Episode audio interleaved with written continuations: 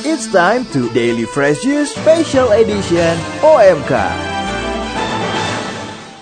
Hai sahabat Fresh Juice, asing ya suaranya. Kali ini karena Special Edition OMK, suara yang menyajikan juga berbeda. Salam kenal, aku Iyo dari DFJ Fellowship 14. Di Fresh Juice kali ini, renungan akan kita dengarkan bersama Hana Lisa, super admin dari 9 grup OMK DFJ Fellowship. Mari kita dengarkan bersama-sama.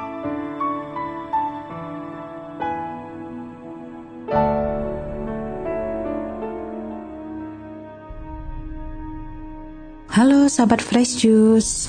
Beberapa hari ini bacaan Injil masih diambil dari Matius bab 13 di mana dalam bab ini banyak sekali perumpamaan yang disampaikan oleh Yesus. Ada tujuh perumpamaan kerajaan surga, yaitu tentang penabur, tentang biji sesawi, tentang ragi, tentang harta terpendam dan mutiara yang indah, tentang pukat, dan tentang lalang di ladang gandum. Dalam bacaan hari ini, para rasul sepertinya masih kepo dengan perumpamaan tentang lalang di ladang gandum yang sebelumnya sudah disampaikan oleh Yesus. Mereka menanyakan lagi tentang arti dari perumpamaan tersebut seperti yang akan kita dengarkan dalam Injil Matius bab 13 ayat 36 sampai 43 berikut ini.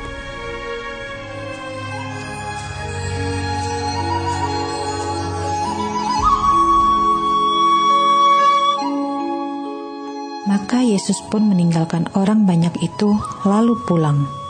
Murid-muridnya datang dan berkata kepadanya, "Jelaskanlah kepada kami perumpamaan tentang lalang di ladang itu."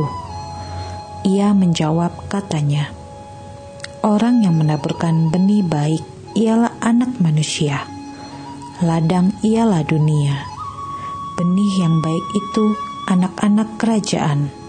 Dan lalang anak-anak si jahat. Musuh yang menaburkan benih lalang ialah iblis. Waktu menuai ialah akhir zaman, dan para penuai itu malaikat. Maka seperti lalang itu dikumpulkan dan dibakar dalam api, demikian juga pada akhir zaman. Anak manusia akan menyuruh malaikat-malaikatnya dan mereka akan mengumpulkan segala sesuatu yang menyesatkan dan semua orang yang melakukan kejahatan dari dalam kerajaannya. Semuanya akan dicampakkan ke dalam dapur api, di sanalah akan terdapat ratapan dan kertakan gigi. Pada waktu itulah orang-orang benar akan bercahaya seperti matahari dalam kerajaan Bapa mereka. Siapa bertelinga, hendaklah ia mendengar.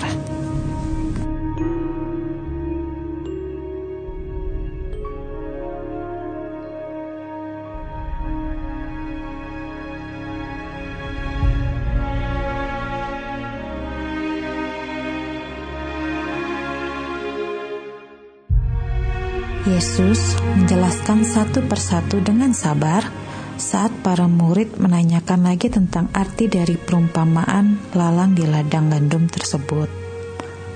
Ia menjelaskan dengan detailnya tentang siapakah yang dimaksud benih baik, lalang dan penaburnya, serta waktu menuai.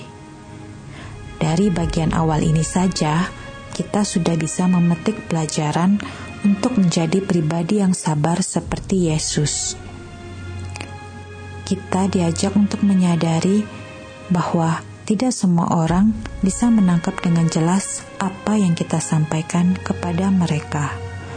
Terkadang butuh penjelasan dengan cara yang lain agar maksud kita dapat lebih dipahami, seperti Yesus yang menjelaskan lebih rinci kepada para murid tentang perumpamaan tadi. Di akhir penjelasannya, Yesus mengatakan Orang-orang yang benar yaitu yang menabur benih baik akan bercahaya dalam kerajaan Bapa. Hmm, rasa-rasanya Yesus ingin menekankan lagi tentang tugas kita yaitu berbuat benar, benar, dan benar. Tugas kita hanyalah menabur benih baik, bukan menabur benih lalang, sekalipun itu terhadap orang yang jahat kepada kita. Yesus ingin kita percaya bahwa di akhir zaman nanti kita akan diselamatkan atas perbuatan kita tersebut. Terkadang kita sibuk menjudge orang lain, merasa orang yang berbuat salah atau berbuat dosa itu pantas dihukum atau diberi pelajaran. Boro-boro tetap berbuat baik dan benar, kita malah merasa tidak adil saat seseorang diampuni atau mendapatkan rahmat. Kita protes, kita berteriak, dan menggerutu. Padahal dalam hidup ini pasti akan ada orang-orang seperti itu. Orang-orang yang tidak seharusnya berpesta, namun berpesta dengan gembira. Orang yang tidak seharusnya mendapatkan kesehatan, namun hidup sehat sampai akhir hayatnya orang yang tidak seharusnya mendapatkan upah yang besar, namun mendapatkan upah bahkan jabatan yang lumayan. Saya pun sering loh berpikiran seperti itu. Sampai saya menyadari bahwa orang-orang itu adalah orang-orang yang mendapatkan rahmat belas kasih dari Allah. Jadi, janganlah cemburu akan kebaikan Bapa. Daripada mengeluh dalam kepahitan, tetaplah memilih untuk berbuat benar, karena kita pun sewaktu-waktu bisa berada dalam posisi itu, posisi yang hanya bisa bergantung pada rahmatnya. Ingatlah, kita adalah manusia yang memiliki kelemahan. Jangan merasa lebih pantas dari orang lain dalam menerima rahmatnya. Itu adalah racun yang harus kita buang dalam diri kita.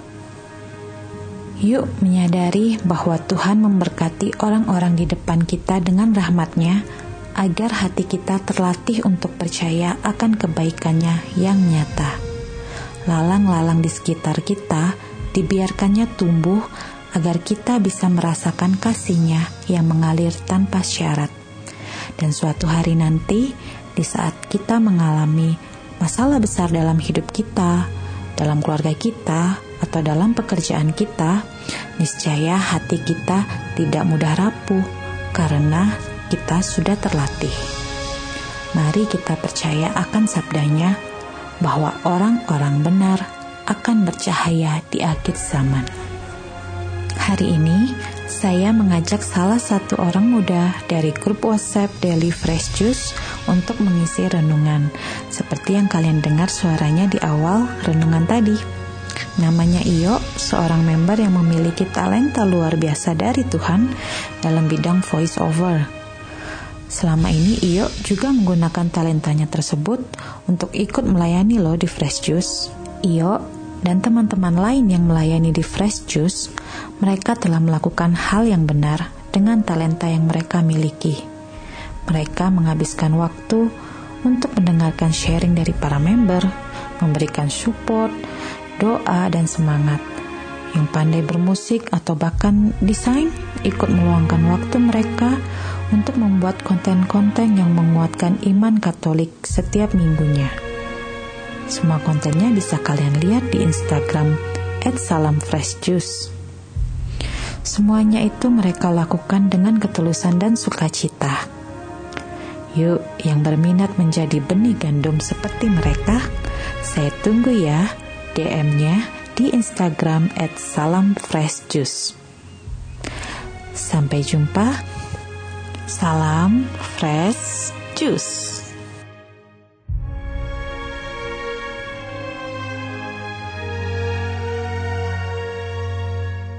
Itu tadi sahabat Fresh Juice, renungan hari ini yang dibawakan oleh Hanalisa. Sampai jumpa di Daily Fresh Juice Special Edition OMK lagi ya. Hana dan Iyo pamit untuk episode kali ini. Dah.